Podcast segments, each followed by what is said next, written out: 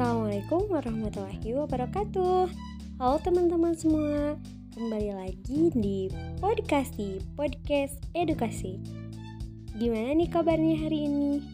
Semoga teman-teman semua sehat selalu ya Oke, teman-teman tentunya sudah tahu ya Di sini kakak akan menjelaskan materi yang ada di kelas 8 tingkat SMP nih Kira-kira apa ya? Langsung saja, yaitu materi tentang penguatan ekonomi maritim dan agrikultur di Indonesia. Teman-teman, jangan lupa siapkan alat tulisnya ya untuk mencatat hal-hal penting yang akan disampaikan nanti. Langsung saja, kita masuk ke pematerian. Let's go! Penguatan ekonomi maritim dan agrikultur di Indonesia. Kalian tentu memahami ya teman-teman semua bahwa dalam aktivitas ekspor dan impor diperlukan barang atau jasa sebagai komoditas perdagangan antar negara. Untuk mendukung ketersediaan komoditas perdagangan antar negara atau internasional, perlu upaya peningkatan ekonomi maritim. Nah, sebelum itu tentunya kalian harus mengenali apa sih ekonomi maritim itu? Nah, teman-teman, jadi ekonomi maritim merupakan kegiatan ekonomi yang mencakup transportasi laut, industri galangan kapal dan perawatannya, pembangunan dan pengoperasian pelabuhan beserta industri dan jasa terkait. Dengan kekayaan laut yang sangat banyak, ironisnya pembangunan ekonomi nasional masih belum memberikan dampak positif yang kuat terhadap kesejahteraan masyarakat. Gambaran nyata kondisi ini sejalan dengan pengelolaan sektor kelautan belum digarap dengan penuh perhatian dan kemauan. Hal ini terlihat pada potret sebagian besar nelayan Indonesia yang masih bergelut dengan kemiskinan. Padahal produksi perikanan terus meningkat. Daya saing domestik yang lemah menyebabkan kegiatan pengangkutan maupun eksploitasi sumber daya mineral di wilayah perairan nasional masih lebih banyak dilakukan oleh pihak asing.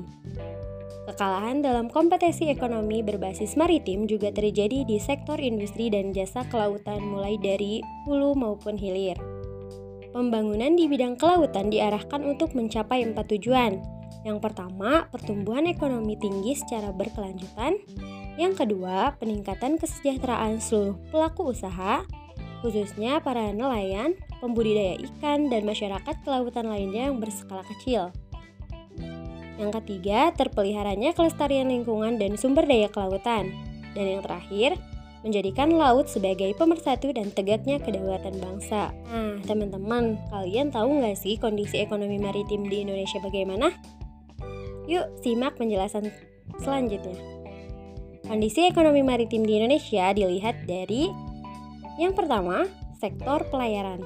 Nah, sebagai negara kepulauan terbesar di Indonesia, Industri pelayaran merupakan infrastruktur dan tulang punggung kehidupan berbangsa dan bernegara.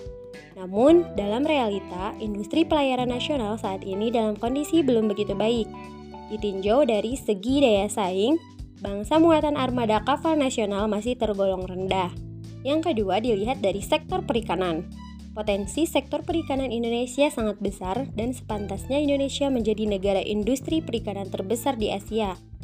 Namun demikian, kontribusi sektor perikanan terhadap pendapatan nasional masih rendah. Pertambahan kawasan budidaya perikanan pun masih sangat kurang. Yang ketiga yaitu sektor pariwisata bahari. Pengembangan pariwisata bahari diyakini dapat mempunyai efek berganda yang dapat menyerap tenaga kerja, meningkatkan pendapatan masyarakat, mendatangkan wisatawan yang berasal dari luar negeri, Nah, teman-teman, ekonomi maritim di wilayah Asia Tenggara dalam kurun waktu 10 sampai 15 tahun terakhir telah mengalami perubahan yang sangat mendasar. Keadaan ini tidak terlepas dari pengaruh lingkungan strategis di mana fenomena maritim dunia telah muncul dan menjadi tantangan nyata bagi negara-negara, khususnya negara yang memiliki wilayah teritorial berupa laut. Seperti telah diketahui bahwa kawasan Asia Tenggara lebih dibatasi oleh wilayah perairan. Selanjutnya ada strategi dan kebijakan pengembangan ekonomi maritim di Indonesia. Yang pertama, pengembangan ekonomi maritim sangat diperlukan mengingat besarnya potensi ekonomi maritim yang kita miliki.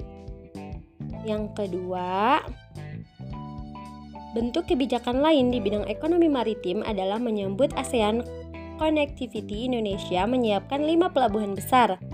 Lima pelabuhan yang dimaksud adalah Pelabuhan Belawan di Sumatera Utara, Pelabuhan Tanjung Priok di Jakarta, serta pelabuhan-pelabuhan di Surabaya, Makassar, dan Kalimantan.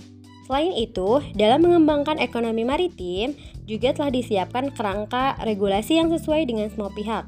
Karena regulasi tiap negara di ASEAN sangat berbeda-beda, maka diperlukan harmonisasi regulasi. Nah, selanjutnya itu ada penguatan agrikultur di Indonesia. Agrikultur merupakan kegiatan pemanfaatan sumber daya hayati yang dilakukan manusia untuk menghasilkan bahan pangan, bahan baku industri, sumber energi, atau untuk mengelola lingkungan hidupnya. Di sektor pertanian, Indonesia memiliki beragam jenis tanaman. Hal ini didukung kondisi iklim tropis. Di bidang tanaman pangan, Indonesia memiliki tanaman unggul seperti padi, kedelai, kacang tanah, ubi kayu, dan berbagai varietas yang lain. Pengembangan di bidang agrikultur Indonesia mempunyai beberapa hambatan. Yang pertama, skala usaha pertanian pada umumnya relatif kecil. Modal terbatas, penggunaan teknologi masih sederhana, sangat dipengaruhi musim, dan masih banyak lagi hambatan lainnya. Strategi pengembangan agrikultur di Indonesia itu terdapat beberapa strategi yang dapat dilakukan oleh pemerintahan. Yang pertama ada eco farming, yang kedua distribusi pupuk secara merata, dan yang terakhir perbaikan irigasi. Wah, masya Allah ya, akhirnya pemateriannya sudah selesai. Semoga apa yang disampaikan tadi bisa dipahami oleh teman-teman semua ya. Oke teman-teman, terima kasih sudah mau mendengarkan dan menemani aku selama podcast ini berlangsung. Semoga materinya bermanfaat ya. Sampai jumpa di podcast selanjutnya. Tetap semangat dan jangan pernah berhenti untuk belajar. See you bye-bye teman-teman. Podcast. Assalamualaikum warahmatullahi wabarakatuh.